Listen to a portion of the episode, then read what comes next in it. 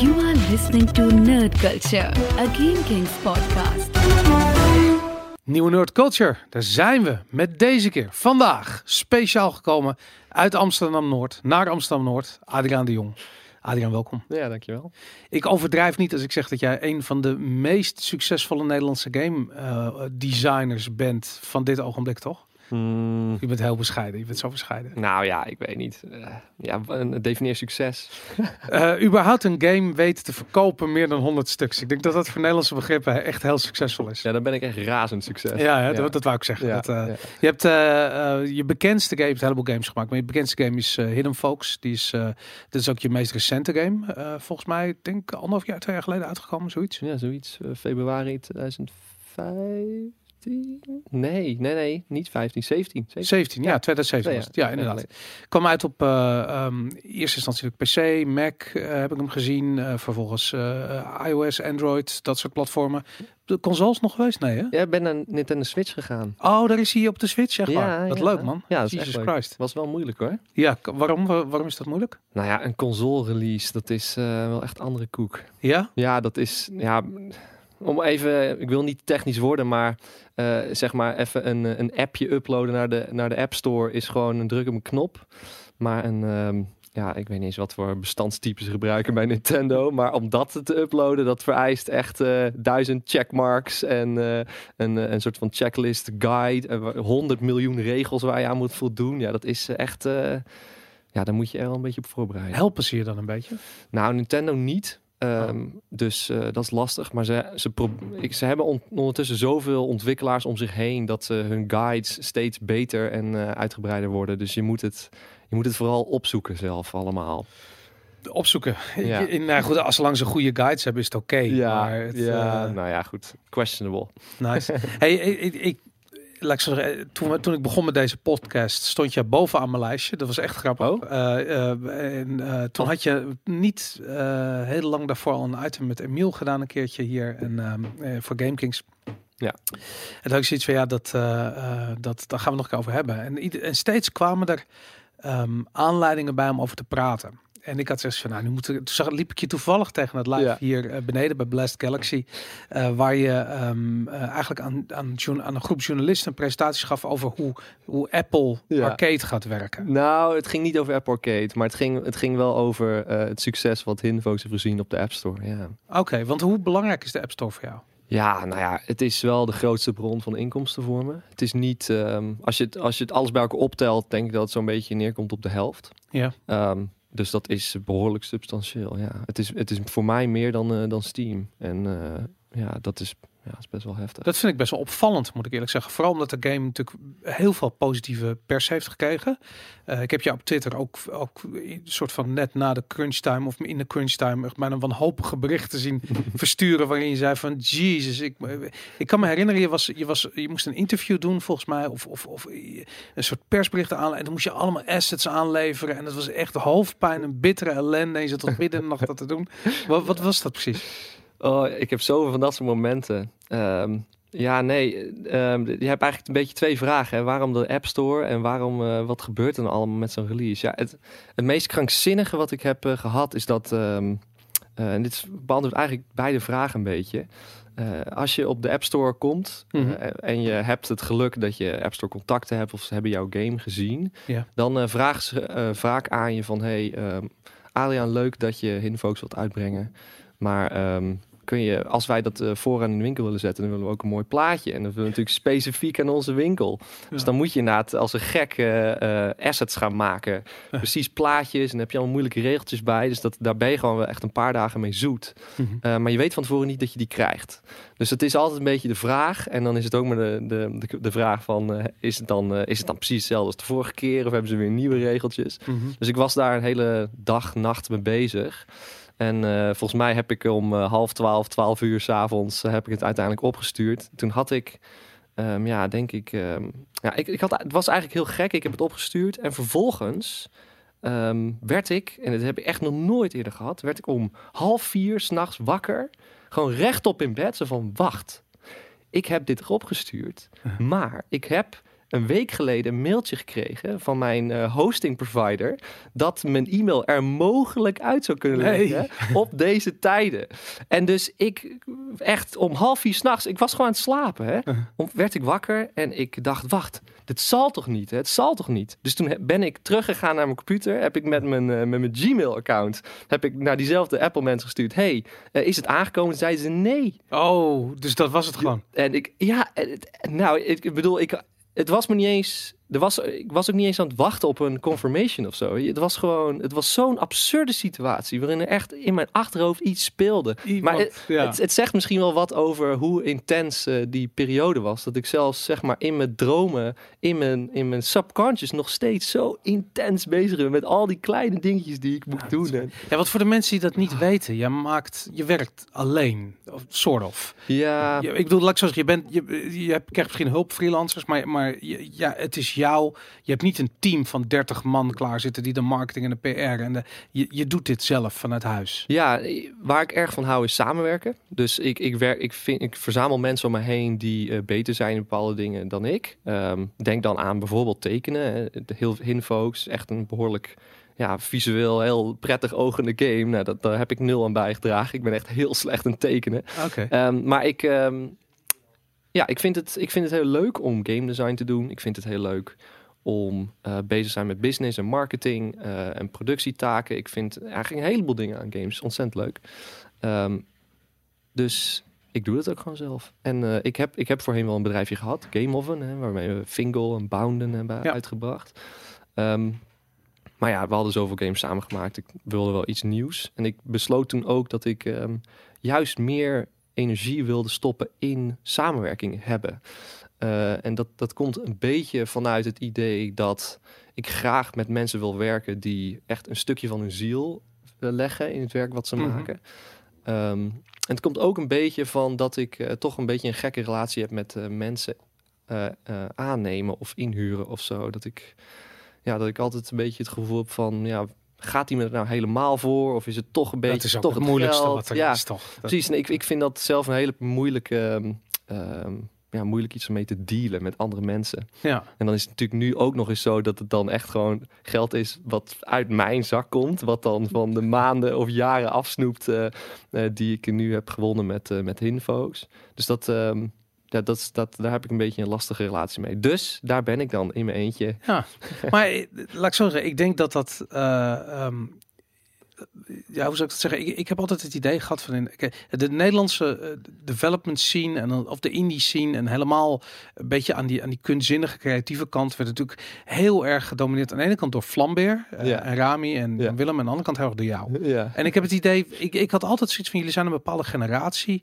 eh, waarvan ik zeg van nou die, die, die gaan succesvol worden, die worden groot en dan komen de anderen en dan komen er weer anderen en, dan- en die anderen kwamen maar niet. En Nou. Ze kwamen maar niet. En dat, eh, ehm, dat was voor mij eerst een vanzelfsprekende aanname van als je, als je één iemand succes ziet hebben, dan kan je nog zeggen van ja, dat is, weet je, die heeft mazzel gehad of weet ik veel, een goed idee. Of, maar als je vervolgens twee mensen en je ziet eigenlijk daaromheen waren er nog best wel een aantal mensen die Ja. succes hadden. Ehm, en dan denk je gewoon van ja, dat, dat is gewoon een, een, een model, dat is een manier van werken. Ja. Die schuiven door en dan komen nieuwe mensen weer achter. Ja. Dat is niet zo. Hoe komt dat, denk je? Ja, nou, dat is. Ik heb daar ehm, veel over nagedacht en ik kom er niet helemaal uit. Ik, eh, wat, wat inderdaad zo is, is dat er een soort van eh, golden age aan indies in Nederland was. Het was inderdaad, eh, denk ik, misschien zes, zeven, acht jaar geleden of zo. Ja. waar inderdaad uh, Vlambeer kwam erbij. Mm, Je zag Rage Squid, Ronimo werd steeds groter. Abbey Games ma- maakte en bracht een eerste game uit. Digital Dreams, Game Oven. Eh, dus dat waren ineens binnen het tijdsbestek van anderhalf, twee jaar opeens heel veel studio's. En die zaten allemaal in Dutch Game Garden eh, destijds. Ja, en het, er was ook inderdaad echt het gevoel ook van... Jezus jongens, daar zijn we, weet Ja. je wel. We gaan even knallen. En iedereen hielp elkaar. En eh, we zaten allemaal redelijk met dezelfde struggles. Hè? Pers, waar laat je game zien? En welke events ga je? Wat zijn jullie ontwikkelingsproblemen? Ja, eh groei, groei dingetjes eh, van, elke, van elk bedrijf, lijkt me. Ehm, maar dat is na, daarna echt gestopt. En er zijn wel wat studio's die hebben geprobeerd. Eh, denk dan aan nou, een eh, befaamd voorbeeld Vogelsap met hun eh, multiplayer eh, ehm, game. Ik ben even de naam daarvan kwijt. Vogelsap had... god, hoe heet het nou? Nou ja, die game. Ehm, Ze hadden, hoe heet het toch gedaan? Mijn god, ik, ik ben in de war met Grotman, maar die, ja, dat, dat was niet een... eh, eh, die zijn nog steeds bezig volgens mij. ja, met, met, met die... eh Ja, met, het met gaat- die gaat heel langzaam. Oh ja? En nee, ik, ik bedoelde eigenlijk ehm, eh, de vlog. Ja, de dat, vlog. Daar hebben we het over natuurlijk, ja. Precies. Ehm, ja, bedoel, dat was eigenlijk weer zo'n studio die dan dat ging doorzetten. Mhm. Dat is eigenlijk niet gebeurd. En eigenlijk sindsdien hebben we, nou ja, naar mijn idee, misschien twee of drie studio's gezien die wel dit succes lijken het op te pakken. Een daarvan is nu Twirlbound eh met een game Pine. Ehm, maar ja, het is echt eh, heel leeg gebleven in de. Maar, maar even terug even, hoe scène. denk je? Ik bedoel, de, iedereen had die verwachting. Je, je had het ook. Wat, wat, wat is er gebeurd? Eh, laat ik zo zeggen, de, de- in ieder geval de studios die je nu net noemt zijn heel erg HKU gefocust. Ja, Dat zijn veel studenten die van HKU afkwamen.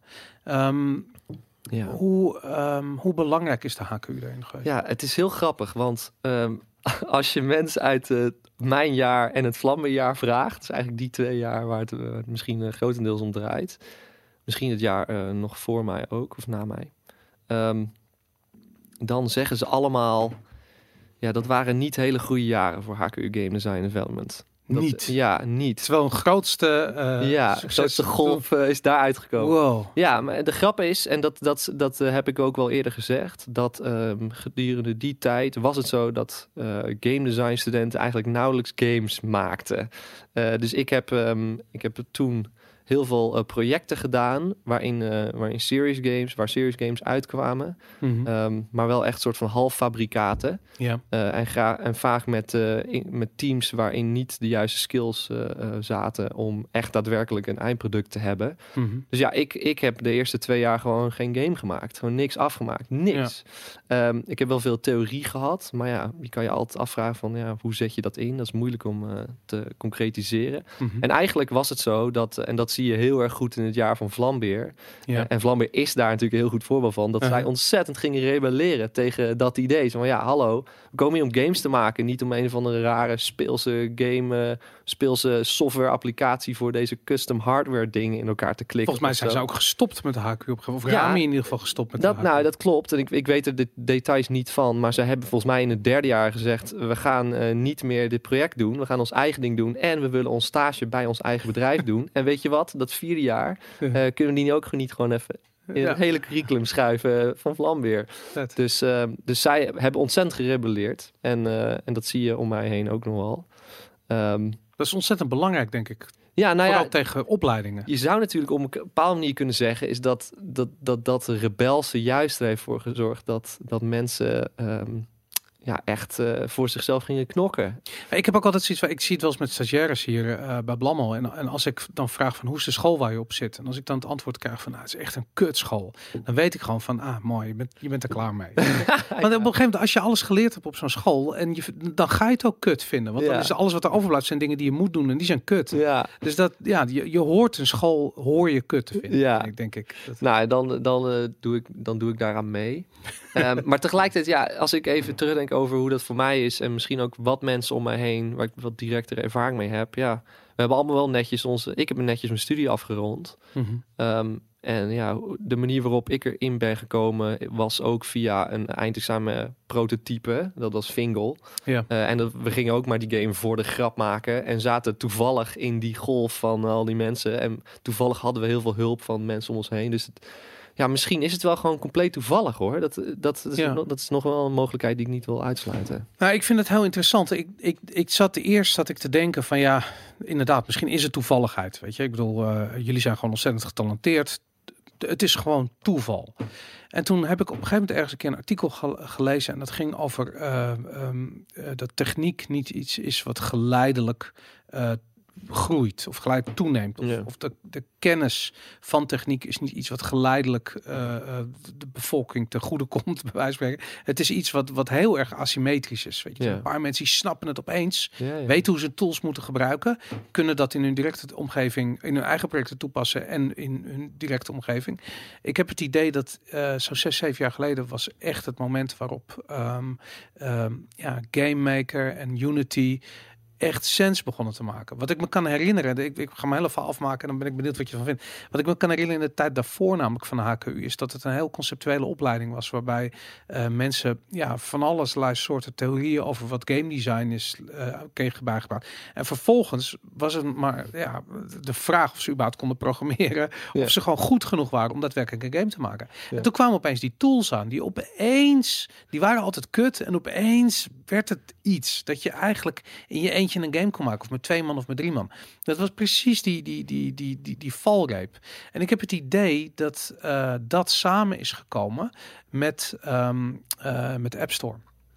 En die twee dingen, toen, toen het dus opeens, bijna van het ene jaar op het andere, uh, makkelijker werd om met een klein groep mensen je creatieve ideeën in videogames te gieten. En daar ook nog eens een keer een distributiemodel aan vast te plakken waarin je vrij bent. Dus niet meer dat, dat je naar IE moet stappen om, te, om, je, om je creatieve concept verkocht te krijgen, wat nooit ging werken. Maar dat je het gewoon fuck it, je kon het gewoon zelf uitbrengen. Ja. En ik heb het idee, er is één soort van gouden moment geweest waarop dat even samenkwam. Ja, En dat, dat, dat is jullie generatie geweest. ja ik denk dat ehm, ik herken dat. Uh, Mhm. dus ik heb zelf um, um, naast mijn opleiding, omdat ik ja, krijg te, te, tijdens mijn opleiding kreeg ik uh, een tool geleerd die heette Vertools. Oké. Nou, dat was echt een monster. Dat, daar Ja. kon je geen games van maken eigenlijk. Um, maar ik ben toen tijdens mijn stage geïnspireerd door een game designer Kent Cuné, werkt nu bij uh, Forcefield. Hm. Uh, die inspireerde mij omdat hij uh, elke ochtend opeens het kantoor opkwam en liet zien: hey, kijk, dit prototype heb ik gisteren gemaakt, gisteravond. Wow. En toen dacht ik: wow, wat de hel, dat is wat ik wil. Ja. Um, dus toen ik dat zag, toen heb ik mezelf uh, Unity geleerd te programmeren. Dus dat, dat, daar, dat heeft er zeker mee uh, te maken gehad. Um, en ik denk dat het de tijd dat, dat, uh, dat Fingal het inderdaad goed deed. Uh, dat was inderdaad dat de App Store dat nog best wel leeg was. En we maakten een iPad exclusive. Ik denk dat wij heel veel geluk hebben gehad dat we dat deden. Of dat dat inherent was aan het concept en daardoor Apple ons meer heeft gefeatured. Ja. Ik denk dat iedereen een beetje dat soort redenen had. Dat, uh, dat er veel verschuiving was binnen de platformen. En een, een ander voorbeeld is dat uh, Steam net uh, Greenlight had aangekondigd. Ja. waardoor het voor ontwikkelaars niet zozeer de kwestie meer was van... Um, kunnen we op Steam komen, maar hoe kunnen we op Steam komen en hoe kunnen we mogelijk misschien zelfs Greenlight uh, ontwijken door met Valve te gaan praten. Ja. Um, dus dat, ja, ik denk dat daar dat, dat, dat gebeurde ongeveer in dezelfde periode. Uh, en ik denk dat er misschien voor, ook voor andere platformen nog wel soortgelijke momenten waren die uh, bij elkaar kwamen. Maar één ding, ja. uh, dat, wat wel echt van die tijd is, is dat precies toen Fingal het net goed deed, toen Ja. werd de Dutch Game Garden ook groter. Oké. Okay. Uh, dus toen, um, ik weet eigenlijk, ja, ze zaten volgens mij ergens in een soort van zijstraatje in Utrecht Centrum. En toen gingen ze naar het Neuden. Toen hadden ze opeens ruimte voor 40 bedrijven. En dat is eigenlijk het moment dat al die studio's allemaal bij elkaar zijn gekomen. Uh, ja, dat, dat railtje wat ik net uh, opnoemde. Ja. ja, wat ik, ik, wij hebben daar toen een aflevering van GameKings opgenomen. Ik kan me dat heel goed herinneren. Ja. En dat was, uh, daar deden een aantal in die, misschien deed jij ook mee, ik weet, ik weet niet meer. Maar ik denk het, het niet. Maar, maar in ieder geval wat ik me kan herinneren is dat Dennis, die toen uh, presenteerde bij Flambeer een game, iets met zombies had gemaakt, weet ik veel wat okay. het was. Maar, um, en toen stonden we buiten te praten nog even. En toen zei Rami van, ja, maar ik vroeg hoe het ging. En toen zei hij dat Ninja Fishing, zijn game, gejat was door oh, iemand in de yeah. App Store was gezet. En toen hadden we het erover van, ja, maar volgens mij moet je het gewoon alsnog je game gewoon uitbrengen daar. Fuck yeah. it, weet je. Yeah. En dat, dat, heeft hij uiteindelijk gedaan. Niet dat, daar wil ik zelf geen enkele, nee, nee. daar heb ik zelf niks aan bijgedragen. Dat heeft hij echt zelf bedacht van, ja, ik moet dat echt doen. Nou ja, een nudge misschien. Ja, nou, misschien. En, en, maar hij heeft dat gedaan. En dat was natuurlijk op dat ogenblik ook weer zo'n gigantische, kolossale iPhone Zeker. iOS hit. En dat, uh, uh, ja, dat was insane. Hey, en dan nog even terug naar, naar dat geval. Dat, ik bedoel, Apple um, lanceert die App Store. Ja. Uh, dat was nieuw. Ja. op dat ogenblik hadden we eigenlijk nog niet een situatie waarin je op iets anders dan PC um, games kon releasen. Um, hoe was dat moment? Wat, wat, wat, wat deed dat creatief gezien met, met de gaming community bij de Dutch Game Garden? Nou, mijn tijd bij de Dutch Game Garden begon al wel iets daarna. Ik zou zeggen misschien een jaar daarna. Um, maar ja, voor mij was het dat ik uh, met de eerste iPad van mijn vader... Uh, uh, ja, dat ik vanuit Unity dus een soort van export kon maken... die, die ik dan op mijn iPad kon zetten. En het was Uh-huh. voor mij echt voor het eerst dat ik met touch iets kon doen. Ja. Dus dat was wel heel bijzonder eigenlijk. En er zitten natuurlijk ook meer sensoren in een, uh, in een iPad dan alleen maar touch. Je hebt ook een gyroscoop, een accelerometer... en je kan ook meerdere vingers erop zetten. Dus het was eigenlijk kan ik met gestures werken. Ik kon heel veel opeens. Ja. Dus het was wel echt een gewoon hardware technisch heel erg een opening. Mhm. En ja, wat, wat wij vervolgens hebben gezien met Fingal, ja, dat is me, to be, to be honest, echt wel een beetje overkomen. Oké. Eh, dat ik, ik bedoel, ik heb wel marketing gedaan. Ik heb geprobeerd mijn business eh, te doen. Ik, ben, ik heb geprobeerd om met Apple toen contact te zoeken. Ik weet Ja. eigenlijk niet of dat nou echt is gelukt. De- Uiteindelijk, volgens mij belden ze mij. Ehm, maar ehm, Volgens mij is Apple ook een bedrijf wat je niet kunt bellen. Ze bellen jou, net als Nee. Google en zo. En dat, eh, Dat klopt, maar ik, ik heb volgens mij via, ehm, eh, via mijn eh, stage heb ik geprobeerd eh, alsnog Apple te kunnen e-mailen met een soort van pitch document van de game die wij maakten. mhm. Maar goed, of dat nou wel of niet is bijdragen is moeilijk te zeggen achteraf. Ehm, maar ze hebben ons wel echt gepusht, ja. Als in hun featuring, dat was destijds een behoorlijke big deal. Ja. En dat is eigenlijk tot, eh, ja, tot iOS 11, toen de nieuwe App Store was, is, heeft featuring op de voorpagina van de App Store worldwide. Heeft echt, ja, was echt een goede business case, zeg maar, Wat, om wat, daarop wat, in te zetten. wat doet dat dan, als ik vraag mag? Wat, hoeveel verkochte exemplaren? Wat, moet je, Ja, dat, miljoenen? Honderdduizenden? Ja, kijk, het, is, het, is, het hangt er vanaf van heel veel dingen. Uh-huh. Ehm, ehm, ik zit even te denken hoe ik dit misschien op een manier kan zeggen die dan logisch is. Ehm, ik denk voor de meest, bedoel, je hebt gratis games, je betaalde games. Dus Ja. sowieso is daar ontzettend verschil tussen. Ehm, gemiddeld gezien, als je een gratis game hebt en je wordt gefeatured eh, of, of niet, ehm, nou ja, en je wordt gefeatured, dan zal één op de vijf mensen je game downloaden. Dat is best wel wow, dat is veel mensen. Ja. Ehm, bij een eh, premium game, afhankelijk van de prijs, maar goed, bij een premium game eh, ligt dat percentage ongeveer tussen de 2 en 5 procent. 5 procent als je het echt goed doet. Oké. Dus we- dat is ook best wel veel. Maar nou, hoeveel mensen kijken er dan naar? Dat is natuurlijk de volgende vraag. Mhm. Ehm, en dat, ehm, dat is heel lastig om te zeggen. Dan hebben we het over 0, dan hebben we het echt over miljoenen. Ja, sorry. Ja. We hebben het echt over miljoenen dan. Ja, Ehm, ja, fantastisch. Maar dat betekent dat je in het slechtste geval doe je, weet ik wel, 50.000 games of zo. Weet je, zoiets. Als je gefeatured wordt op de... Ja, ja En- maar dat was de oude App Store. Hè? Want de nieuwe werkt iets anders. Ja. Eh, ze hebben natuurlijk die verhaaltjes die, eh, die Today Story in de App Store. Ze hebben eh, die, die, die aparte tab waar dan allemaal andere eh, grote plaatjes staan. Nou, ik weet, ik kijk hier bijna elke dag, dus ik weet het, ik ken het heel erg goed. ja. Ehm, maar da- omdat het dus maar één dag bovenaan staat en vaak ook niet eens echt bovenaan, maar dat je dan bijvoorbeeld het tweede plaatje of het derde plaatje Ja, bent in ja, de. Today, eh, levert dat een stuk minder op voor ontwikkelaars. En dan hebben we het in plaats van 50 hebben we het dan over 5000. Oké. Dus ja, dus het doet Dat- nog steeds veel. Maar als jij een bedrijf bent en je geeft eh eh 3 miljoen uit aan een game maken, Dan is 5000 stuks niks. dan is het eh, eigenlijk te weinig. Ja. Ja. Hey, want dat is natuurlijk. Kijk, daar, dat, dat is waar, waar dit eh, gesprek een beetje begon. Van na dat eh, succes van, van, van, van, van, van jullie en eh, van jou en de Vlambeer-generatie en weet ik veel, eigenlijk jullie hele generatie. toen is daarna is het stilgevallen.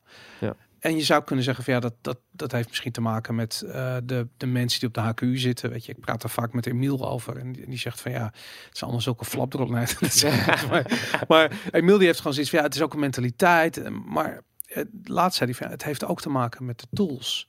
En eh, toen hadden we het specifiek ehm, over, over die begindagen van Unity versus wat Unity nu is. En ehm, waarbij ik zoiets had van ja, als het toen al makkelijk was om een game te maken met, met een klein team of in je eentje, dan moet het nu nog veel makkelijker zijn. En hij zei van ja, dat is waar en het is ook niet waar. Want wat je ziet, ehm, is dat mensen die kunnen programmeren, die snappen hoe het werkt, die kunnen problemen op een creatieve manier oplossen. En op het moment, als je nu kijkt naar wat Unity is, dan kun je eigenlijk alleen maar schuiven met de blokjes die je worden gegeven. Je kunt niet meer, eh, je kunt natuurlijk nog wel steeds op die manier je probleem oplossen. Alleen studenten worden niet meer geleerd om echt te leren programmeren. Hoe zie jij dat? Ja, eh, het is heel iets interessants wat je aandraagt. En ik, eh, misschien de beste anekdote die ik daarover heb, is het verschil tussen een. ehm, tussen, dus terwijl ik bij Game Over werkte, was er, werkte ik met een programmeur. Game Over was Bojan, de programmeur, en ik. Ehm, en Bojan was een ontzettend goede programmeur. Afgestudeerd aan de UU. eh, kon alles heel netjes doen. Wat, we maakten ook de games met zijn engine. Hij schreef een engine. Een hele eigen ding. Ja, heel vet. Eh, ik snap er helemaal niks van. Maar het was wel heel netjes. Dat weet ik. Want dat kon ik zien ook. En dat Ja. legt hij uit. Eh, maar we hebben op een gegeven moment een stagiair gehad. ehm, eh, eh, Gerjo. En Gerjo was een hele andere soort programmeur. Gerjo kwam eigenlijk meer vanuit het laten we het eerst maar gewoon werkend maken. En daarna gaan we kijken of we het nog moeten optimaliseren of verbeteren. En ik, ik denk, ik ben daar, ik heb daar veel over nagedacht. En ik wil zelf ook heel graag een Gerjo zijn. En dat, daarmee bedoel ik dus ook dat ik probeer niet alles op de nette, grootse.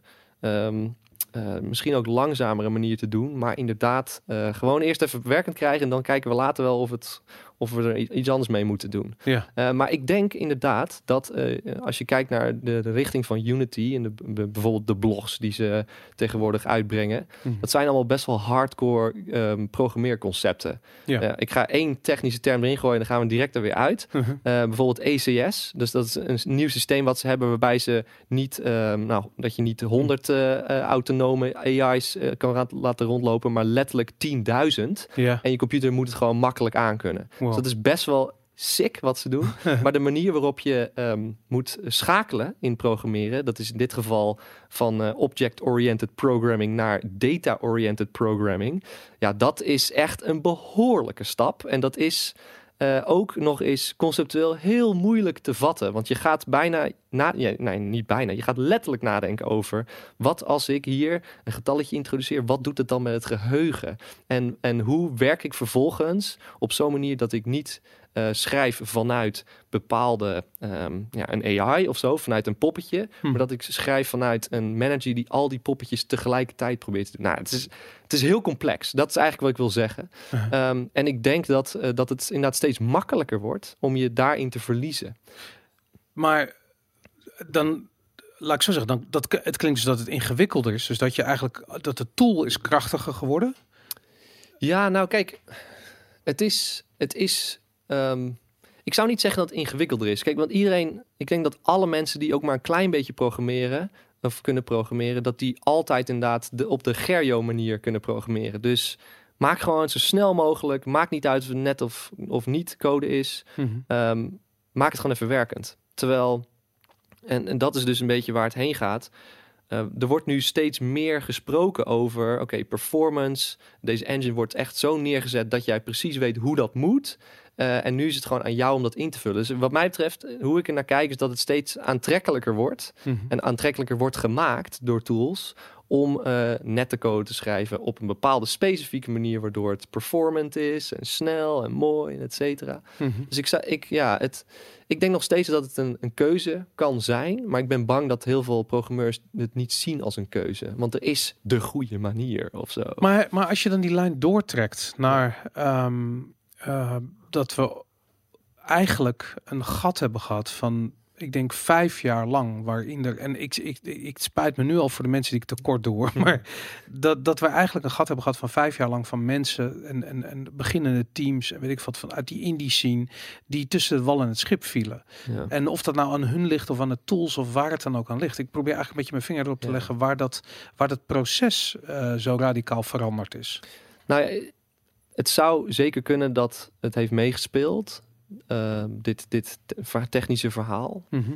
Ehm, maar ja, ik, ik weet het, ja, ik weet het gewoon niet. Ik, De, de- vind je de HKU nog relevant qua opleiding? Zeker, voor- voor ja. Ik, ik, ik vind nog steeds dat er, ehm, in ieder geval vanuit mijn perspectief, denk ik vier opleidingen, eh, vier scholen eigenlijk nog steeds eh, de beste, wat mij betreft, eh, de, de meest, hoe zeg je dat, industrie-klare studenten afleveren. Ja. Dat zijn de HKU, NATV, Breda, eh, HVA en UU. Oké. Ehm, en ja, ik denk dat zeker ehm, het AKU daar een, wel een ander perspectief in heeft dan, eh, dan de twee andere opleidingen. Dat, dat, dit zijn natuurlijk nog steeds dingen die constant veranderen. Volgens mij gaat volgens mij de NATV binnenkort ook een design ding starten. Dat weet ik niet heel zeker, maar daar heb ik, heb ik iets over gehoord. Ehm, maar HKU is wel nog steeds eigenlijk de enige plek waarin ze zeggen: hey, wij gaan nadenken over design. En we gaan niet zozeer je leren programmeren of artist doen. Dat gaan we Hm. wel, dat zit wel in het curriculum. Ehm, maar ehm, dat is niet een focus. Dus dat is nog steeds bijzonder. Ja. Maar ja, dan heb je inderdaad nog steeds het probleem van ja, als een game designer is al is afgestudeerd en hij of zij kan niet eh, hun ideeën daadwerkelijk maken, eh, dan moeten ze dus bij een team gaan werken. En welk team gaat dat worden? En dan eh, krijg je Ja. het idee dat er dan 1500 studenten per jaar afstuderen. En er zijn maar zoveel banen. Eh, ingewikkeld verhaal. Ja, En iedereen wil game designer zijn en eh, dat verhaal. nou, dat, maar, maar ik vind dat interessant. Want ik, ik ben er op een gegeven moment er heel erg mee bezig geweest. Want Mhm. ik dacht van nou, wat, er, wat, wat ik zag gebeuren was... Aan, kijk, aan de ene kant had je qua support eigenlijk eh, eh, alleen de Dutch Game Garden. Ja. Weet je, die waren als organisatie betrokken Ja. bij het begeleiden van studenten in Indisch en beginnende teams. Die kregen daar wat subsidiegeld voor. En die Ja. regelden een reisje naar eh Tokio als je op de Tokyo Game Ja. Show wilde staan. En Duitsland als je op de... nou, enzovoort, enzovoort. En eh, dat deed ze allemaal heel aardig. Maar eh, waar ze niet zo, goed, niet zo goed in waren, in mijn oogpunt, was ze waren niet in staat om een brug te slaan tussen aan de ene kant de development community en aan de andere kant finance. Dus de business community. de business community. En ehm, dat hadden ze op dat ogenblik moeten doen. Eh, na het aanleiding eh, van het succes van, v- van, van Flambeer.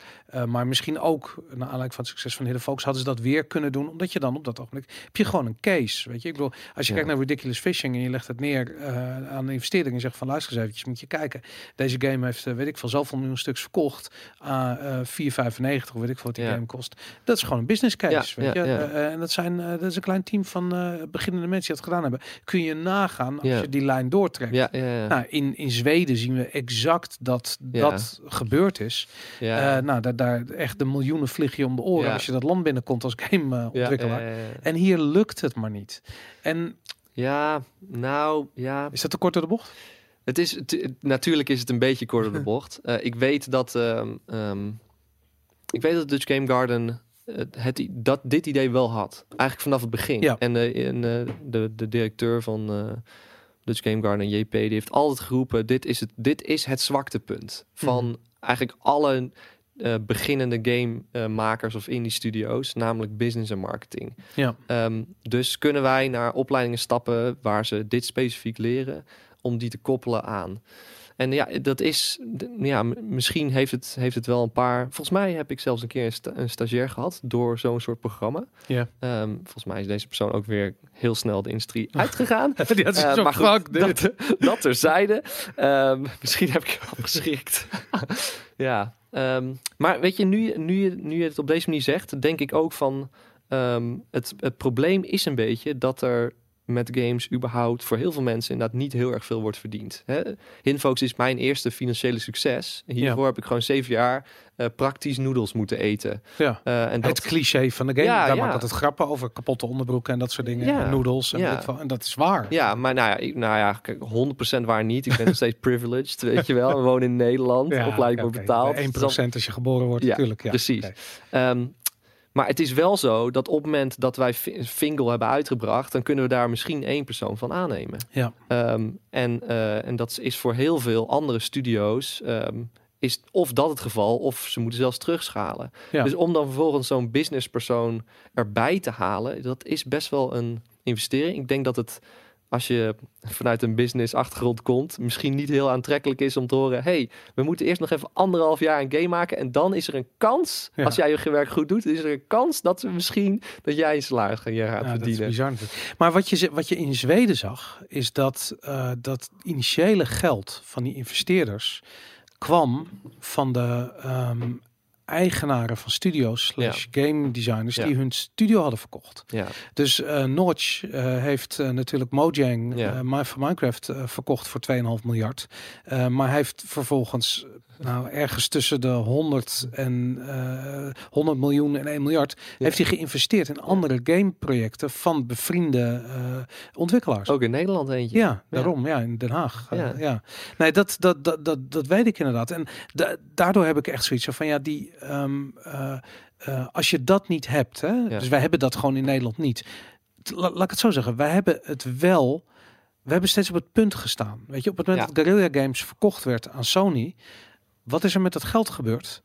Dat is naar Lost Boys gegaan. En dat Ja. is ook naar een paar individuele mensen gegaan. Waarvan er eentje naar het buitenland is gegaan. Waarvan er eentje, eh, nou ja, wel echt absolute studio's begonnen en is gaan ondernemen daarmee. Eh, maar er is ook gewoon veel naar Lost Boys gegaan. Wat gewoon Ja. een, een, ja, weet ik van, interactief bedrijf was. ja. Wat, ja, gewoon Geen games maakt. Nee, maar ook het geld wat er verdiend werd met de verkoop, dat was voor hun niet. Het is niet world changing. Nee. Weet je, ik bedoel, het waren geen Business miljarden. as usual. Daarom, het, wa- het waren gewoon een paar miljoenen. Het gaat gewoon in de begroting en poef, Ja. it's gone. Ja. Fuck it.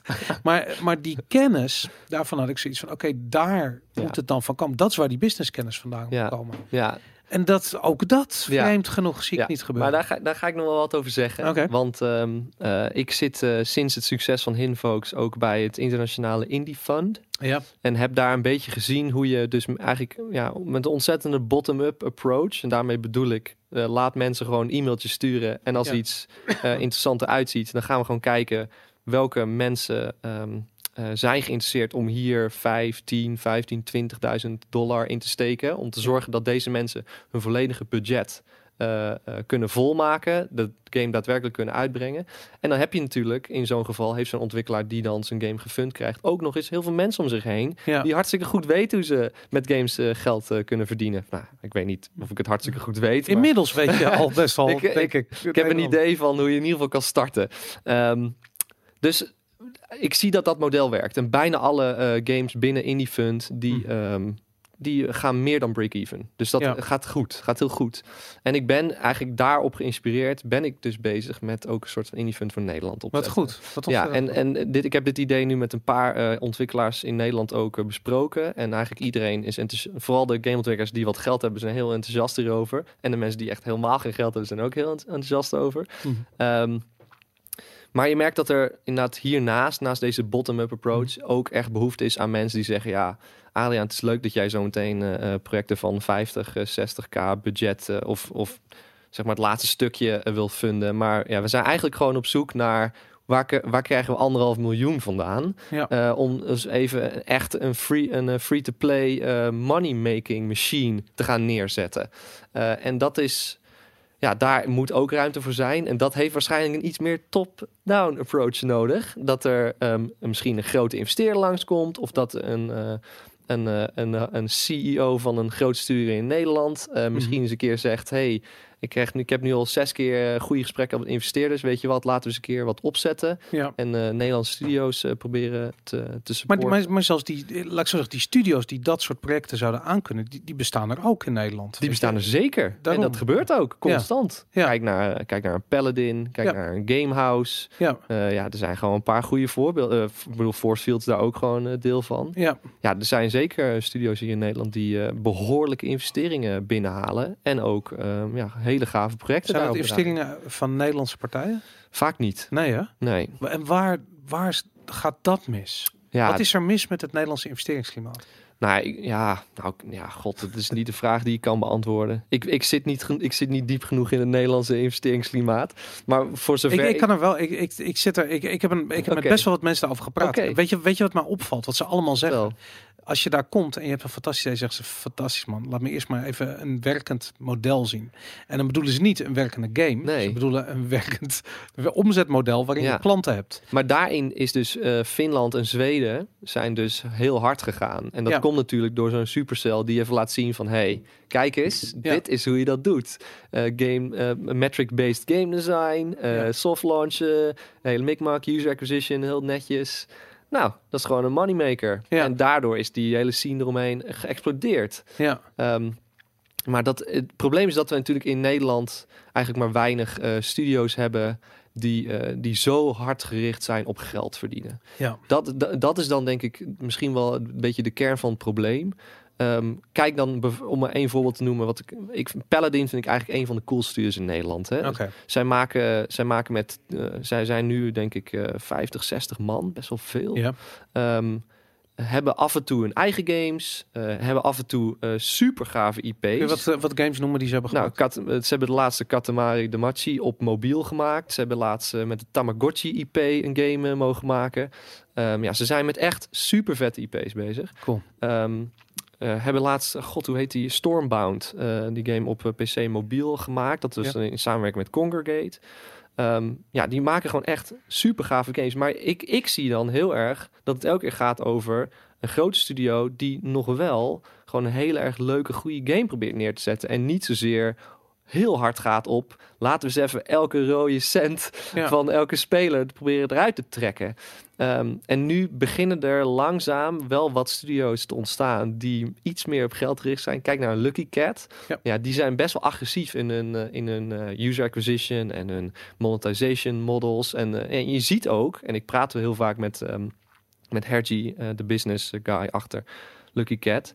Je ziet ook dat hij, dat hij ook de soort gesprekken voert waar jij het eigenlijk over hebt. Hè, met investeerders in gesprek Ja. gaat. En eh, ja, dat gaat, dat gaat veel meer over geld. Ja, Uh, maar Hergy is natuurlijk ook wel best uniek in dat hij zelf ook niet zozeer een, eh, een game achtergrond heeft en inderdaad uit e- de economische wereld komt en denkt ja ik ga dit gewoon zien als een product en ik ga gewoon 100% vanuit de, de geldkant eh, hier naar kijken en de businesskant Ehm, en daar is eh, daar heb je er gewoon heel weinig van eigenlijk En waarom, want ik, ik blijf erbij dat de Dutch Game Garden die rol had moeten, die had die brug gaan moeten bouwen. Ja. Dat is waar ze, kijk, wat ik daar heel erg eh, zag altijd, en dat irriteerde me mateloos, dat heb ik nooit onder stoel of bank gezet, Mhm. ik heb het ook wel eens tegen JP gezegd. Zij zijn game designers die game designers gaan begeleiden. En dat is leuk en je kunt wat leren van iemands ervaring, eh, maar je gaat niet iets anders leren van iemand met hetzelfde, eh, die hetzelfde traject volgt. ja Je gaat alleen maar wat horen over wat er op de weg voor je ligt. ja En eh, het probleem was, dit is een markt die zo ontzettend onder ja, een verandering onderhevig is. ja, Dat het ene moment gaan we allemaal blind rennen we naar de App Store ja. om het vervolgende moment gillend weg te rennen naar de naar de naar de weet ik dat volgende Ja. eh, feestje. nu rent iedereen naar Apple Arcade om daar nog wat geld Bij wijze van spreken, er is Ja. altijd wel weer wat. En het duurt twee, drie jaar en dan is er weer een volgend iets. En je loopt zo ontzettend achter de feiten aan. En het enige wat zij kunnen doen is zeggen van nou, we vermoeden dat volgend jaar iedereen heel hard die kant op gaat rennen.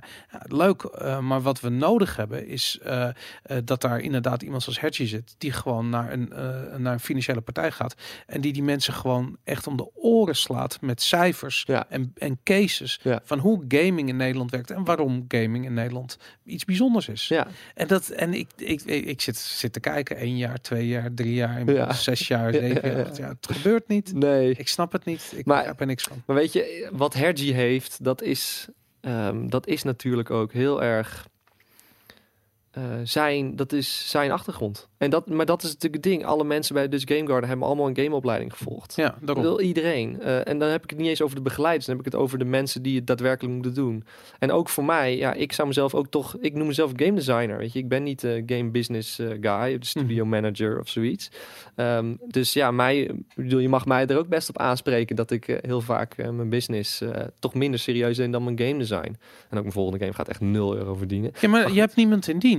Nee, dat scheelt. Ja, je bent verantwoordelijk voor jezelf. Ja, fair. Maar ja, dat betekent niet dat ik, dat ik mijn business natuurlijk niet serieus neem. Dat betekent natuurlijk. Mhm. Ehm, maar wat ik wilde zeggen is dat ehm, alle mensen die bij de Dutch Game Garden zitten, die zijn daar waarschijnlijk gekomen omdat zij met één of twee of drie of vier andere mensen een game studio wilden starten en bijvoorbeeld game design wilden doen, of bijvoorbeeld game art wilden doen, of heel erg hard wilden programmeren. Ja. Ehm, en dan krijg je dus een clubje met, met die drie, vier, vijf mensen die allemaal precies weten wat ze willen doen. En dan komt een Dutch Game Garden naar je toe en zegt: Jongens, business is knijten belangrijk. En je marketing is knijten belangrijk. Je moet het wel gaan doen. Ja. En dan zeggen ze: Ja, oké, ja, misschien vindt hij. Hij vindt het misschien nog wat leuk. Maar die game designer, die kan het misschien wel een beetje. Ja. Weet je wel. Ja. Dat is vaak hoe je dat ziet. Hè? De game designer is altijd de Sjaak. Eh, en ja, maar dat, ik bedoel, het is, hij moet niet de Sjaak zijn. Eigenlijk moet hij het gewoon op zich nemen. En, het, en het ownen, weet je wel. Business en marketing. Ik ben de business en marketing guy van dit bedrijf. Maar dat zie je niet. En nogmaals, hè, als er dan ehm, zo'n economiestudent langskomt en eh, ziet... oh ja, lekker anderhalf jaar lang werken Ja. eh, voor 0 euro... en dan hopelijk eh, misschien wel wat geld verdienen. Ja, dat is best wel een lastige business case. Ja, nee, dat snap ik ook inderdaad. En dan, ja, dan zijn er misschien wel niet genoeg cases om dat rond te krijgen. Hey, en het, ehm, eh, laat ik zo zeggen, heb jij, heb jij, voor, voor Hidden Fox heb je een subsidie gehad, toch? Nee, Nee? nee. Oh, dat dacht ik. Nou, ik weet niet voor Bounden wel. Oké. Ja. Wat, vind je van, van de Ja. rol van subsidies? Nou, ehm, ik ben eigenlijk best wel positief. Oké. En dat komt ook omdat ik, ehm, want ik ben nu, eh, ik heb vier jaar, nu niet meer, maar ik heb vier jaar in de adviescommissie gezeten van de ehm, eerste twee jaar van Gamefonds. Ja. Nou, toen is Gamefonds verdwenen, kunnen we ook nog over hebben, maar goed. Uh-huh. Eh, toen werd het, ging dat eigenlijk op in digitale cultuur bij het Stimuleringsfonds. Ja. En ik ben daar adviescommissie geweest en ik, heb gezien eigenlijk wat er dan allemaal achter de schermen gebeurt. Ja. Ehm, en ehm, het is echt heel moeilijk om subsidie te krijgen. Dat Ja. moet je niet onderschatten. Nee. Je moet er echt een aanvraag schrijven die eh, laat zien dat je een hele sterke visie hebt. Eh, laat zien dat je je business shit op orde hebt. Eh, laat zien dat je het kan. ehm, en iets unieks moet hebben. En dat, en dat allemaal door middel van woorden. Ja. Dus dat is echt wel heel moeilijk. En ik zie dat ja, voor heel veel partijen die subsidie ontvangen voor hun games, die hebben daar wel echt wat aan. Op de lange termijn ook. En to be honest, ik vind mezelf daar ook een voorbeeld van. En, en hoe leggen ze uit hoe dat dan werkt? Nou, dus stel, ehm Bounden, eh, een project van eh, ongeveer eh, zes tot acht maanden. Eh, daar waren we met Game Oven bezig. De Game Oven was drie mensen. We nog wat stagiaires, werd uiteindelijk zo vijf mensen. We hadden nog wat andere mensen omheen, die moesten we aannemen. Het was ongeveer een project van, laten we zeggen, tien mensen. Het was iets Mhm. meer, maar goed. Ehm, we zien eigenlijk van tevoren al, shit, we kunnen deze game niet afmaken. Maar we zien wel potentie. Het was het moment dat het allemaal klikte, dat ik prototypes had gemaakt, dat het Nationaal Ballet graag wilde helpen. Ehm, dit project ging gewoon iets doen in de, in de artistieke gamewereld. Dat wisten we gewoon. Ja. Het is zo absurd dat je met je telefoon kan dansen. Dat moet gewoon. Ehm, dus wij stappen eh, naar het stimuleringsfonds, ehm, doen onze pitch, we worden goedgekeurd. Eh, en vervolgens krijgen wij, nou echt eh, heel weinig geld eigenlijk, voor als je weet dat er 10 mensen aan werken, 36.000 euro. Oké. Eh, daar kunnen we een half jaar aan, aan de game van werken. Noedels. Ja, echt noedels. En vervolgens, nou, de game ehm, doet het niet mega goed. Maar samen met die subsidie en samen met het geld wat we ontvangen, gaat het wel break-even. Ja, dan heb ik het eigenlijk over eh, niet eens break-even, want we Ja, hebben... want wat is break-even? Het Ja, zijn mensen die niet betaald krijgen. Dus- Ja, ik, wat ik eigenlijk wil zeggen is alle cash die we echt hebben uitgegeven. Denk dan aan een reisje naar PAX East in Boston of, eh, of een Gamescom of ehm, ja, weet ik veel. Gewoon echt uitgaves. Dat hebben we terugverdiend. En plus ietsjes meer. Dan kan iemand, daar kunnen dan mensen van Game van dan twee, drie, vier maanden misschien nog eh, van leven. Moeten we iets nieuws hebben. Ja. Ehm, maar wat vervolgens Bounden heeft gedaan voor mij, is dat, eh, en voor de andere mensen bij Game Oven, is dat het, eh, dat het echt heel veel awards heeft gewonnen en nominaties. Mhm. We hebben daardoor heel veel mensen leren kennen. Dat is echt mijn netwerk nu geworden. Ja. En, eh, en een voorbeeld is de App Store. Apple in Nederland is loves me. Echt, het is echt krankzinnig. Hè? Ik heb Tim Cook ontmoet ik, Ja. hier in Amsterdam. Omdat zij het zo vet vonden wat ik deed. Omdat het zo artistiek en anders was dan.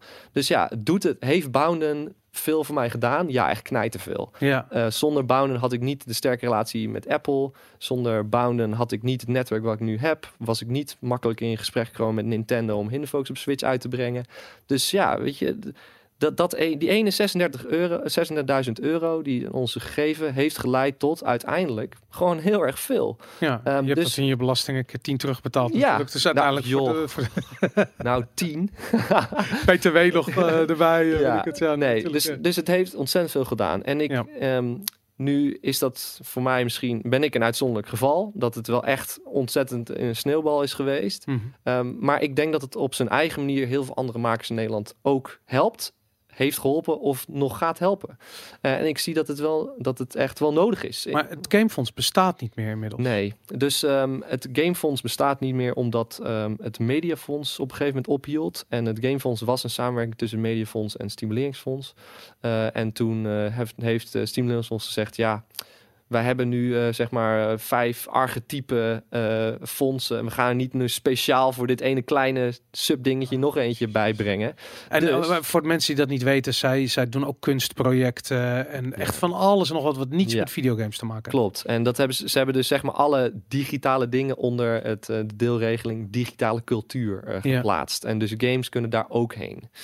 Ehm, dus daar heb ik twee jaar gezeten. En ehm, als game expert noemden ze mij dan. Maar ik heb echt eh, ja, zeker twee derde van de aanvragen gingen over compleet andere dingen. Maar goed, dat is het idee van de adviescommissie. Dat er Ja, dat hoort. zitten. Ja, Wat, iedereen. wat voor soort eh, eh, subsidie hebben zij te vergeven op jaarbasis? Ehm, die, nou, dus ik weet het niet precies. Dat kan je op de website gewoon allemaal vinden. Ik, ik, ik heb er één keer gekeken, maar Ja. zo lang geleden. Ik dacht Ja. 2 miljoen voor alles wat ze deden. dat is jaar. dus ja, dus twee, volgens mij digitale cultuur specifiek. Dus dat is één van hun deelregelingen. Krijgt eh 2 miljoen per jaar te verdelen over eh, alle projecten. En ehm, eh, ik weet toevallig hoeveel de laatste ronde in totaal is aangevraagd. En dat Ja. is 1 miljoen. Dus er is 1 miljoen aangevraagd. Maar ehm, die 2 miljoen wordt verdeeld over een jaar. Dus dat is dan, hoeveel is dat? Ehm, gedeeld door 4. Ja, ja, daarom inderdaad. Eh, ja, dus, gewoon eh, vijf ton per jaar. Precies, dat, 5 eh, ton ja. per ronde. oh, per ronde, ja. Ehm, dus eh, volgens mij klopt dat niet. Volgens mij is het minder, is het nog de helft. Dus het is 2 miljoen over twee jaar. ja Oké. Eh, dus het is eh 250.000 euro per ronde. En er wordt voor een miljoen aangevraagd. Dus dat is lastig.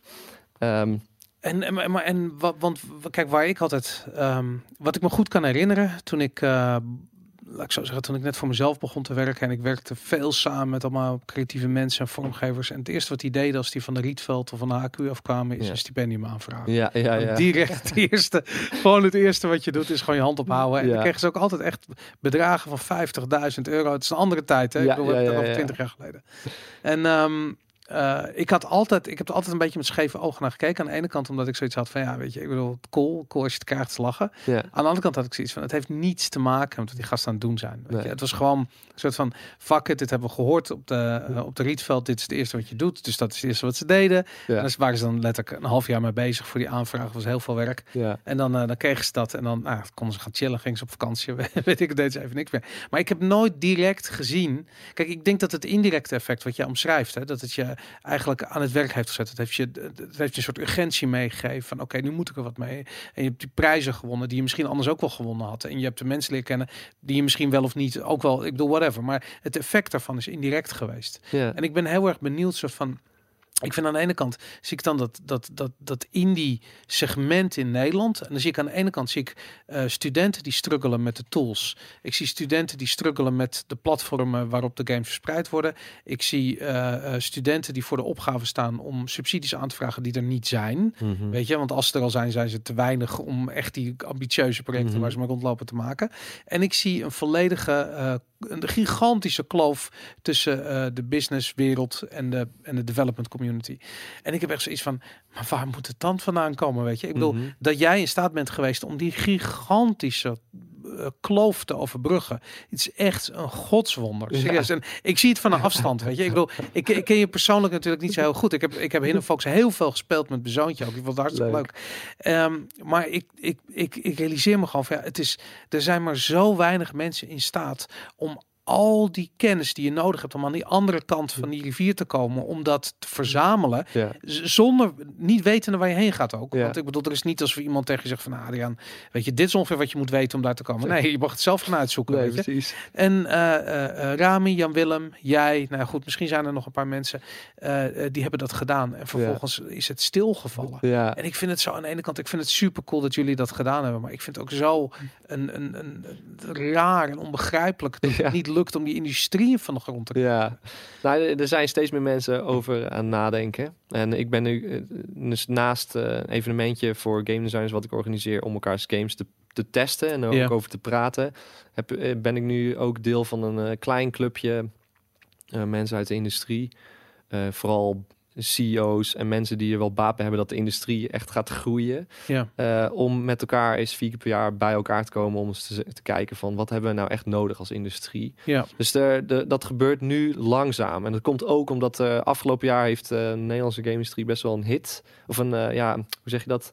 Een hit. Als Klap. Een klap gekregen. geen geen, Ehm, geen superhit. Maar... Nee, precies. Ehm, want uh, de, eigenlijk de twee, de twee evenementen die we hadden in Nederland... die de Nederlandse game-industrie bij elkaar bracht... Ja. namelijk uh, Control Conference en de Dutch Game Awards... Ja. waren er niet afgelopen jaar. Jo, En ja. eigenlijk voor het eerst um, realiseerden uh, gameontwikkelaars in Nederland van... oh ja, shit, die, dat, dat soort dingen, dat komt niet vanzelf. Nee.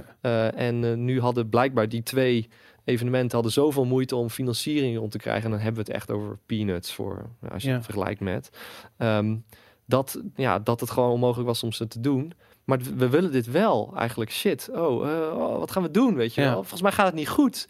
Eh, en eigenlijk, dat was eh, eind afgelopen jaar, was dat best, dat leefde echt in Mhm. de industrie. Dus je zag het op eh, de Facebookgroepen en de Slackgroepen, je zag het overal. Ja. Er werd over geschreven ehm, in onze industrie dagblad. Hm. Ehm, en vervolgens zie je dat mensen langzaam nu aan het mobiliseren zijn. Om daar wel in ieder geval daarover in gesprek te gaan. En om te kijken van hoe gaan we dit nou echt oplossen. Ja. En dat is inderdaad een hyper, hyper complex eh, probleem. Ja, want Maar- er moet geld vandaan komen. Dat is eigenlijk gewoon weer dat hele probleem Nou, van... Het is niet? Nou ja, ja en nee. Eh, ja, er moet geld komen. Eh, er moet ook ehm, waarschijnlijk beter worden gecommuniceerd over de successen die er zijn. Er moet ook misschien moeten meer gameontwikkelaars in Nederland gaan inzien welke waarde bepaalde dingen die worden georganiseerd door de industrie hebben. Mhm. Ehm, of eh, hoe er of waar bepaalde waarde ligt of zo. Dus we- het gaat enerzijds over ja, er moet veel meer geld komen, maar anderzijds ook over als we allemaal in Nederland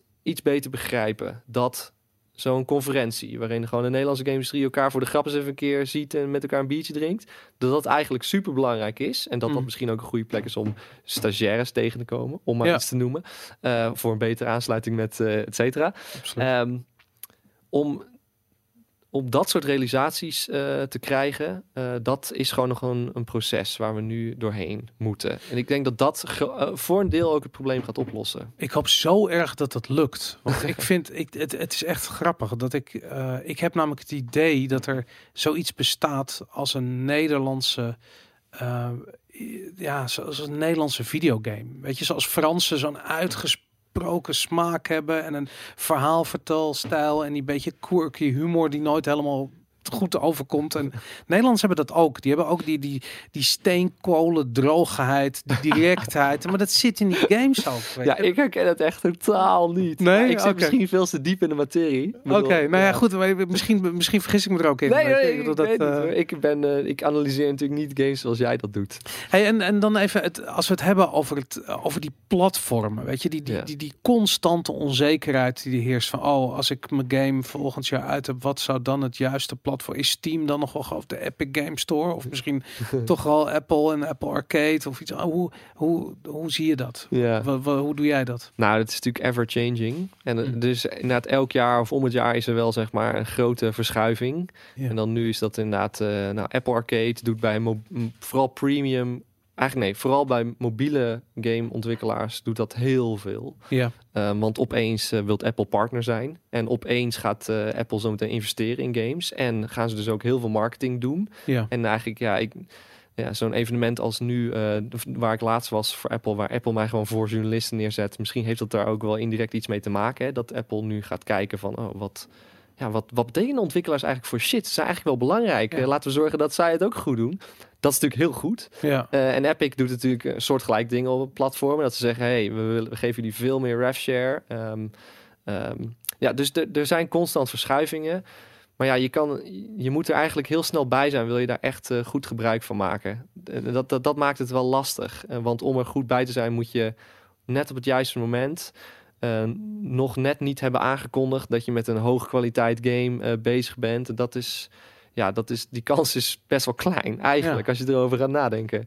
Um, dus, ja, nou, dus... en, en daarnaast, we hebben dat ook gezien bij Sony en bij Microsoft, die allebei ja. best wel veel in hun indie, uh, uh, in hun indies geïnvesteerd hebben. Ja. En daar ook weer even hard mee opgehouden zijn. Ja, Echt. Die hebben dat laten vallen als een baksteen. Ik weet nog dat, dat gebeurde en dat Rami stond met tranen in zijn ogen te vertellen dat Sony ermee ophield. Oh nee, ja, precies. Dat, uh, ja, dat, en dat gaat Apple op een dag ook weer doen, weet je. Die hebben nu zoiets van, ja, lachen, hier is een zak geld en dan morgen nemen ze de telefoon niet meer op. Ja, nou ja, dat, dat, dat scenario is nu best wel moeilijk uh, voor te stellen. Gezien ja. Apple wel, vooral met, um, met Apple Arcade in dit geval, heel erg gaat inzetten op, op uh, indie premium games. Daar ja. komt het eigenlijk op neer. Want ja, grote. Maar ja, dat, grote... dat deed die de Xbox van Microsoft deed exact hetzelfde. En, dat klopt, ja. Sterker nog, ik heb het Nintendo ook zien doen met de Wii U. Eh, en toen hebben ze toen, eh, god hoe het, dat, dat, die game met dat kippetje, waar- die, ze zijn gestopt nu, eh, die studio. Oh, Tokitori. Tokitori inderdaad. Ik weet dat ik die nog eens een keertje op een Nintendo evenement tegenkwam. Jeroen en nou goed.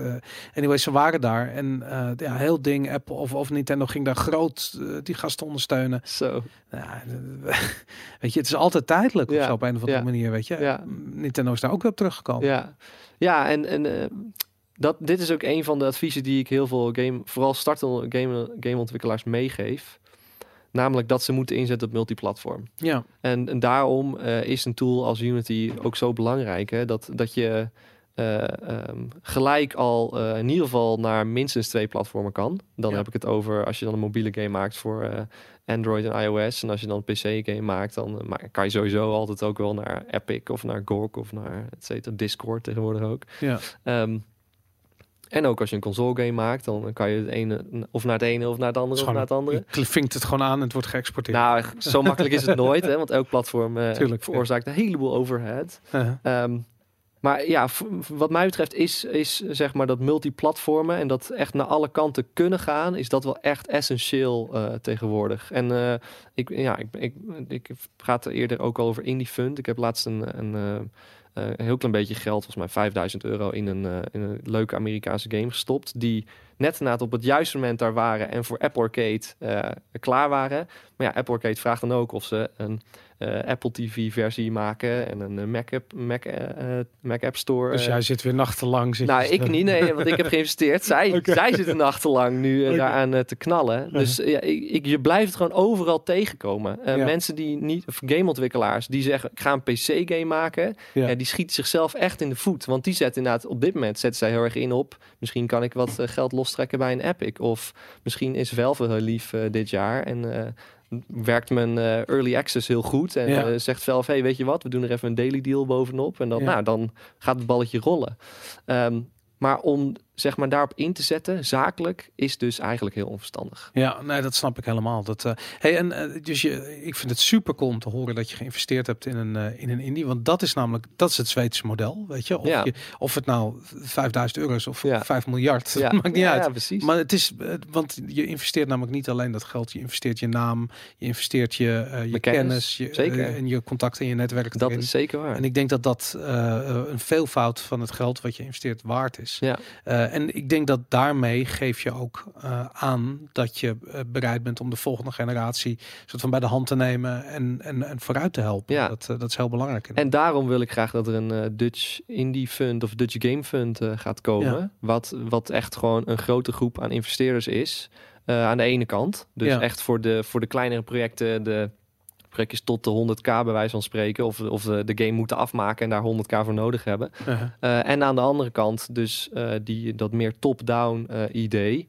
Eh, waarbij je gewoon eh, eh, een grote investeerder gewoon 10 miljoen het fonds ingooit en zegt: Ik wil dat jullie in minstens vijf studio's gaan investeren. En dan echt even geld, Ja. moneymakers gaan maken.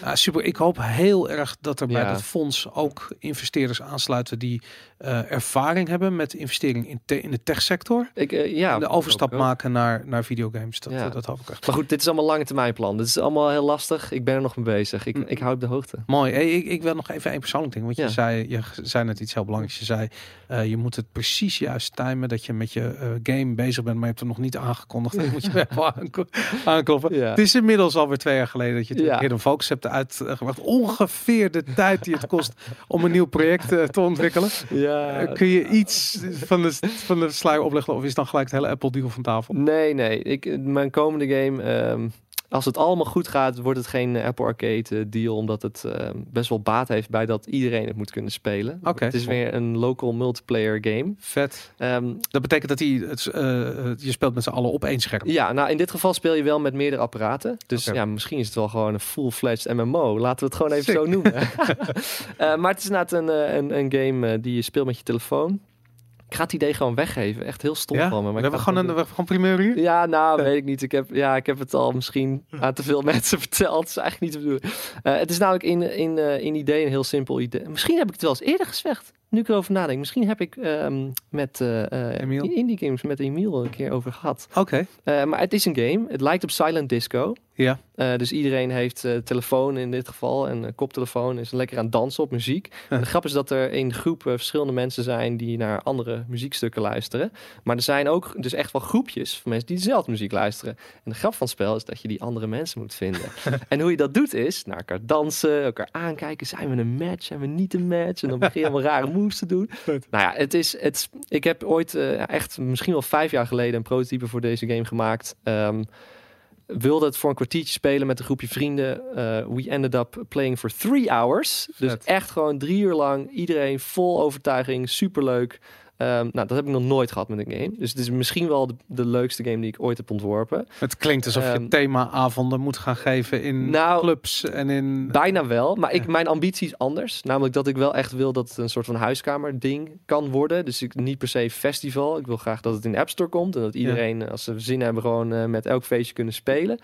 Ehm, daar ben ik al vijf jaar mee bezig, omdat muzieklicenties echt de onderwereld der onderwereld Oh, dat geloof ik helemaal. Jesus Christ. Ja, Ja. dus eh, om even een klein beetje een idee te geven. Over het algemeen, elk nummer wat je op de radio hoort, daar zijn minimaal acht rechthebbenden voor. Ja. Dan heb je het over de persoon die de lyrics heeft geschreven, de, de persoon in de studio, eh, de persoon die op de gitaar speelde, de, de persoon die het heeft uitgevoerd, de persoon op wiens naam Oh, het staat. shit, Al ja. van en dan de publishers en dan de, de rec Wat een nachtmerrie. Ja. Nachtmerries. Kun je Eh, niet naar Spotify gaan? Nou ja, dus dat zegt iedereen als Ja. eerste. En dan eh, zeg ik, ja, nou, de EULA, moeilijk. En developer API's en technische problemen. Nou, bottom line is, nee, dat kan niet. Voornamelijk vanwege legal reasons. Ja. Ehm, want het is nou eenmaal bedoeld... eh, Ja, Spotify vindt het niet leuk als mensen een soort van... eh luisteren tegelijkertijd muziek-apps gaat, eh, gaan maken. ja, en blijkbaar is dat een plaag voor hun. Wat ik op zich begrijp. Ik snap Oké. eigenlijk niet waarom ze het niet zelf gewoon maken. ja, inderdaad. Ehm, dus dat is off the table. En Apple Music eigenlijk ook. Oké. Ehm, dus ja,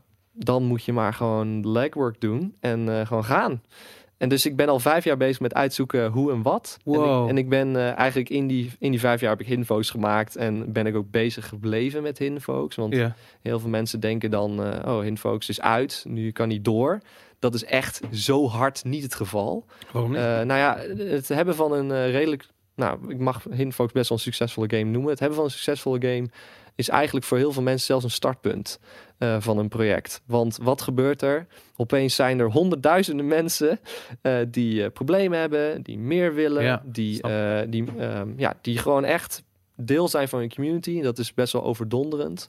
Eh, Kun je dat niet uit handen geven? Kun je niet een stagiair aannemen en zeggen van ga of, of iemand die, die ik bedoel, nou, dat is een goede vraag. En dan komen paar we van die tekeningen maken. Ja, nou, dan, ko- dan komen we eigenlijk weer terug op dat hele verhaal van... Ja, Adriaan, je bent in je eentje, je doet alles in je eentje. Er Ja. zijn gewoon bepaalde dingen die kan ik niet weggeven. Dus dan denk dan aan eh, de business die omtrent zo'n... dat zo'n hoeft toch ook DLC Nee, dat klopt. Dat hoeft niet. Maar dat is wel zeker de helft van het werk. Ja, oké. Ja, wat dat betreft, ik zie alleen maar mogelijkheden. Ik heb zoiets van, je zit, ik bedoel, je belt die, die HKU op en je zegt van, geef mij eh, in het laatste een half jaar, eh, geef mij vijf gasten die een beetje... ja, eh, en, die, en die geef je dan vervolgens gewoon toegang tot je, al je Apple-contacten... en tot Nee, al nee, je nee. Die, zegt gewoon van, ik wil deze game met deze maps en dan voor dat en dat en dat en dat Ja, platform en het is over een half jaar klaar. Maar dan schiet je dus best wel mis in de, de taken, de dingen die daadwerkelijk moeten gebeuren. Want heel, een groot deel hiervan is regelwerk. En een groot deel hiervan is nadenken over hoe eh, ga ik ehm, deze nieuwe gebieden communiceren? Hoe ziet die trailer eruit? Ja. Eh, hoe, wat voor e-mailtjes stuur ik naar Apple? Op welk moment? Oké, Eh, marketing communicatie. ja, dat is cool. Maar ja, die, nee, die, maar die dat- stagiairs heb je ook. Dat klopt. Maar dan geef je dus wel, moet je, dan leg je dus wel echt alles opeens bij iemand anders neer die daar misschien geen ervaring heeft gehad.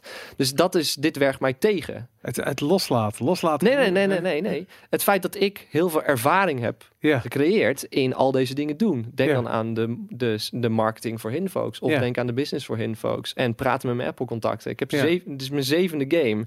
Eh, en om dan iemand erbij te halen die één game... of nog, misschien nog niet eens één game heeft gehaald... en te zeggen, hey, weet je wat, doe jij al die business en marketing nu maar. Nee, Zo maar werkt dat, het dat- niet. kijk, dat begrijp ik, maar er is geen bedrijf wat op die manier werkt. Weet je, er is altijd een bepaalde kennis. En, en het ergste wat je in een bedrijf kan doen, is de kennis die je in huis hebt niet gebruiken.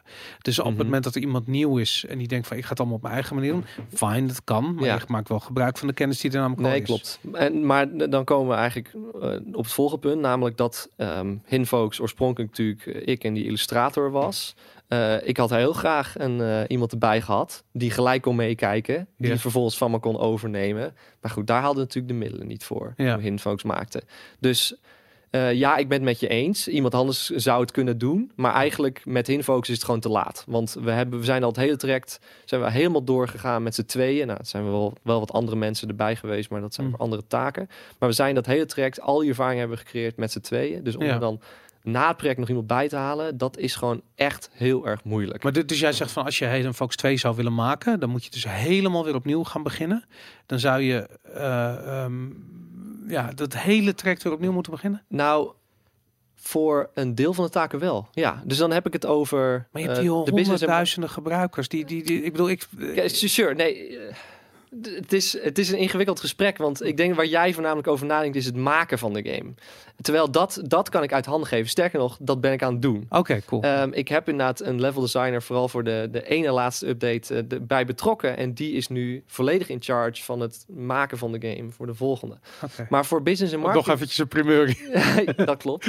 Ehm, maar de, ehm, niet, wordt niet Hinfox 2. Laat ik dat even gelijk eh, neerzetten. Maar ehm, voor business marketing werkt het gewoon echt anders. Daar gaat, dat is gewoon iets, dat is, vind ik ook überhaupt, een, die ervaring is moeilijk te verwoorden. Ja. Ehm, en om er iemand bij te vinden die dat deel van mij overneemt, dat, dat, dat heb ik gewoon, die, ja, Nee, maar dat snap ik heel goed. Maar vanaf dat, de start. eh, het is net als een klein bedrijf wat zijn salesfunctie niet uit handen kan geven. Omdat het, ja, dat is het hart en het ziel, die connecties, dit netwerk, dat, precies.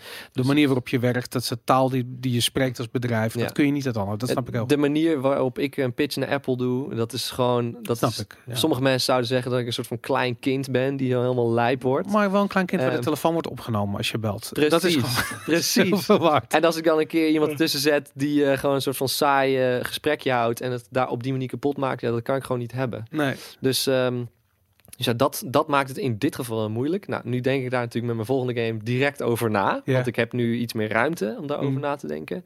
Ehm, en probeer ik iemand eh, daar grotendeels bij te betrekken. Dus het zou zomaar kunnen dat, dat ik met mijn volgende game wel kan zeggen van... hey, ehm, weet je wat, alle taken gaan naar deze mensen. Omdat, Ja. ze- omdat ik hun vertrouw en weet dat ze weten waar ze mee bezig zijn. En dat, eh, dat zij het al eerder hebben gezien. Ja. Ehm, maar goed, we, daar zijn we nog lang niet op dit moment met deze dansgame. Ehm, Dat is voor volgende, volgende nerd culture. ja, nou inderdaad. Over, Ik vind het heel erg over interessant. Ik, ik, ik, ik vind het, ik vind, het klinkt heel stom, maar dat merk je ook wel in dit gesprek. Ik vind het heel erg leuk om over ondernemerschap te, Ja. te praten. Ja, snap ik. En ehm, eh, wat ik zie, dat is echt super cool. En, en ik kan me gewoon heel erg goed voorstellen dat er nog iets op je af zit te komen. Waar je aan de ene kant een soort van al dat succes eh, kunt. Dat, dat, laat ik zeggen, dat heb je in je eigen handen. Of, of je dat wel of niet eh keert. En aan de andere kant kan dat je ook steeds verder wegbrengen van de essentie van wat je aan het doen bent. Dat is namelijk dat je eigenlijk Ja. kunstenaar bent Ja. met als canvas videogames. Ja. En eh, ja, de, hoe, we- hoe verhoudt zich business met, met kunst? Heel, heel, heel erg moeilijk. Dat is misschien nog wel zeldzamer in de kunstwereld dan in de videogame eh, eh, designwereld. Want daar, daar word je bijna gedwongen om het te doen. Terwijl, ja, weet je, ik bedoel, in- in- in- business is een vies woord als je, het over, als je met creatieven praat. ja nou, in de, in de game-industrie begint dat gelukkig steeds minder het geval te zijn.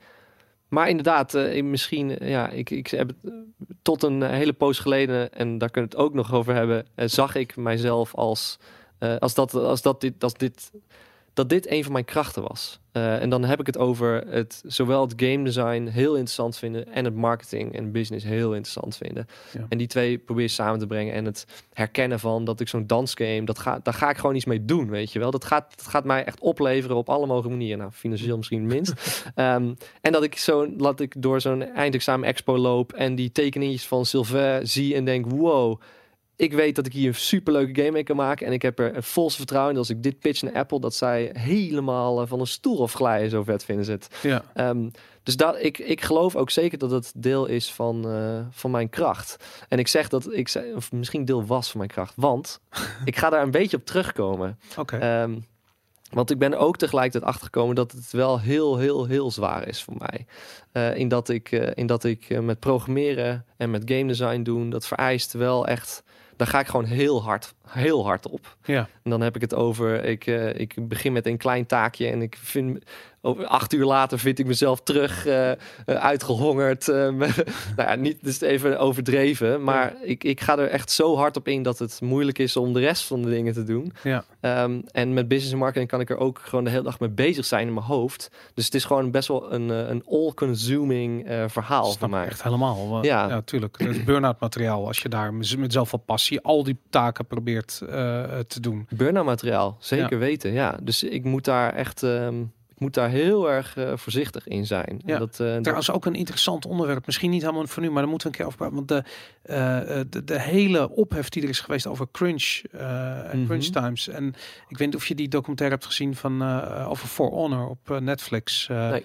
Die Ubisoft game, die, eh, daar is een documentaire over gemaakt over die. Jason Vandenberg. Nou, die, ook dat halve team zit gewoon trillend op een gegeven moment Oh, ergens in een, een van een opvangthuis. Het Oh, is nee. gewoon niet te doen. Nee. En dat, eh, ik vind het heel interessant hoe eh, eh, creatieve mensen niet gewapend zijn tegen eh, wat er van ze gevraagd wordt eigenlijk. Ja. En, en ik dacht altijd zoiets van ja, of tenminste eigenlijk de ergens denk ik nog steeds een beetje van, van iedereen is voor zichzelf verantwoordelijk. Je kunt al allemaal nee zeggen. Ehm, maar hoe die wereld eruit ziet, hoe het werkt, hoe targets liggen, ehm, is het misschien wel wat genuanceerder. En dat, Zeker. eh, ja, dat, dat is een interessant Ja. onderwerp. Ik, ik, zou, ik wilde graag wel wat langer met je over hebben. En dan zou ik het wel even van AAA aftrekken. Want Ja. daar is het gewoon... Daar, dat is gewoon smerig wat daar gebeurt. Natuurlijk, Ja. bij heel veel studio's. Echt- sorry, waarom is dat? La- nou laat- ja, er laat komt een, een, een artist wil heel graag bij, eh, weet ik veel, grote studio aanwerken. Eh, gaat daarheen en, eh, en die zeggen... Ja, weten we niet hoor, want we hebben nog twintig andere applicants. En dus ga je hard werken aan je portfolio. Ehm, stuur die op. Zeggen ze, nou wie weet, je mag, je mag wel een keer op gesprek komen. Nou, natuurlijk wil je dat knijter graag. Dat is over Ja. het algemeen hoe mensen met AAA-studio's beginnen. Maar hier is het contract, staat wel in dat jij 60 uur per week moet werken. Ja, ga je dat dan doen of niet? Ja. Ja, en de meeste mensen zeggen dan ja, want dat is wat je wilt. Dat is waar, waar Ja. je hard voor hebt gewerkt. Maar ze zeggen toch ja? Ze zeggen ja, omdat ja, de, de- of je kan naar een andere studio eh, die helemaal vol zit en, eh, en geen ruimte Maar meer ik, heeft. ik vind dat dat is dit ja, dit het is vies commercieel dit. Het is ja, dat is het ook. Maar, je, maar ze zeggen zelf ja. Ze zeggen Het, zelf staat- ja. het is ze zeggen gewoon ik ga 60 uur werken. Ik wil ik begrijp Dat niet. Ik, ik begrijp het ook vanuit het bedrijf niet van hoe is het interessant om mensen 60 uur te laten werken. Want ook gaat echt niet meer uitkomen dan in 40 uur. Weet Nee, je? dat klopt. Het is, het is aproductief. Maar Ja. oké, Allah. Ja. Heel Tokio werkt op die manier. Ja. Heel Japan werkt op die En dat manier. gaat helemaal naar de kloten daar, joh. Ja, daarom. Ja, nee. dat Sterker nog, de, we, we hebben toen we laatst keer in Tokio waren met veel eh, eh, ontwikkelaars daar gesproken. Ja. En toen vroegen we ook van hoe doen ze dat dan? Zeiden ze, ze hebben letterlijk andere regels voor Westelingen dan voor eh, Japanners. Oh, Want. Westelingen lopen naar de Japanners gaan pas naar huis als hun baas naar huis gaat, dat is om 11 uur 's avonds. En Westelingen hebben zoiets van oké, doei. Die gaan gewoon weg. En dat, hoe ga je dat managen in dat bedrijf? Dus Ja. hebben ze dat maar volkomen opgesplitst. Ja, ja, ja. En Westerlingen gaan om zes uur huis. En. Japanners werken ze gaan dood. Ja, Dat, eh, maar ik zou graag dus met je willen praten over hoe werkt het dan voor kleinere studios in Nederland. Want eh, net als ik, weet je, ik ben in mijn eentje en sommige andere mensen zijn misschien met twee of drie mensen. Eh, en die doen zowel business als marketing als het game design en het maken van de game. En dat is gewoon eigenlijk een te groot takenpakket. Dus hoe, doe je, hoe deal je daarmee? Dat is, dat is een hele ingewikkelde vraag. Nou kijk, uiteindelijk denk ik, je maakt keuzes. Weet je, iedereen maakt keuzes. Maar de vraag is niet zozeer hoe deal je met de dingen die van je gevraagd worden. Eh, de, ehm, de, de vraag is, hoe wordt het van je gevraagd?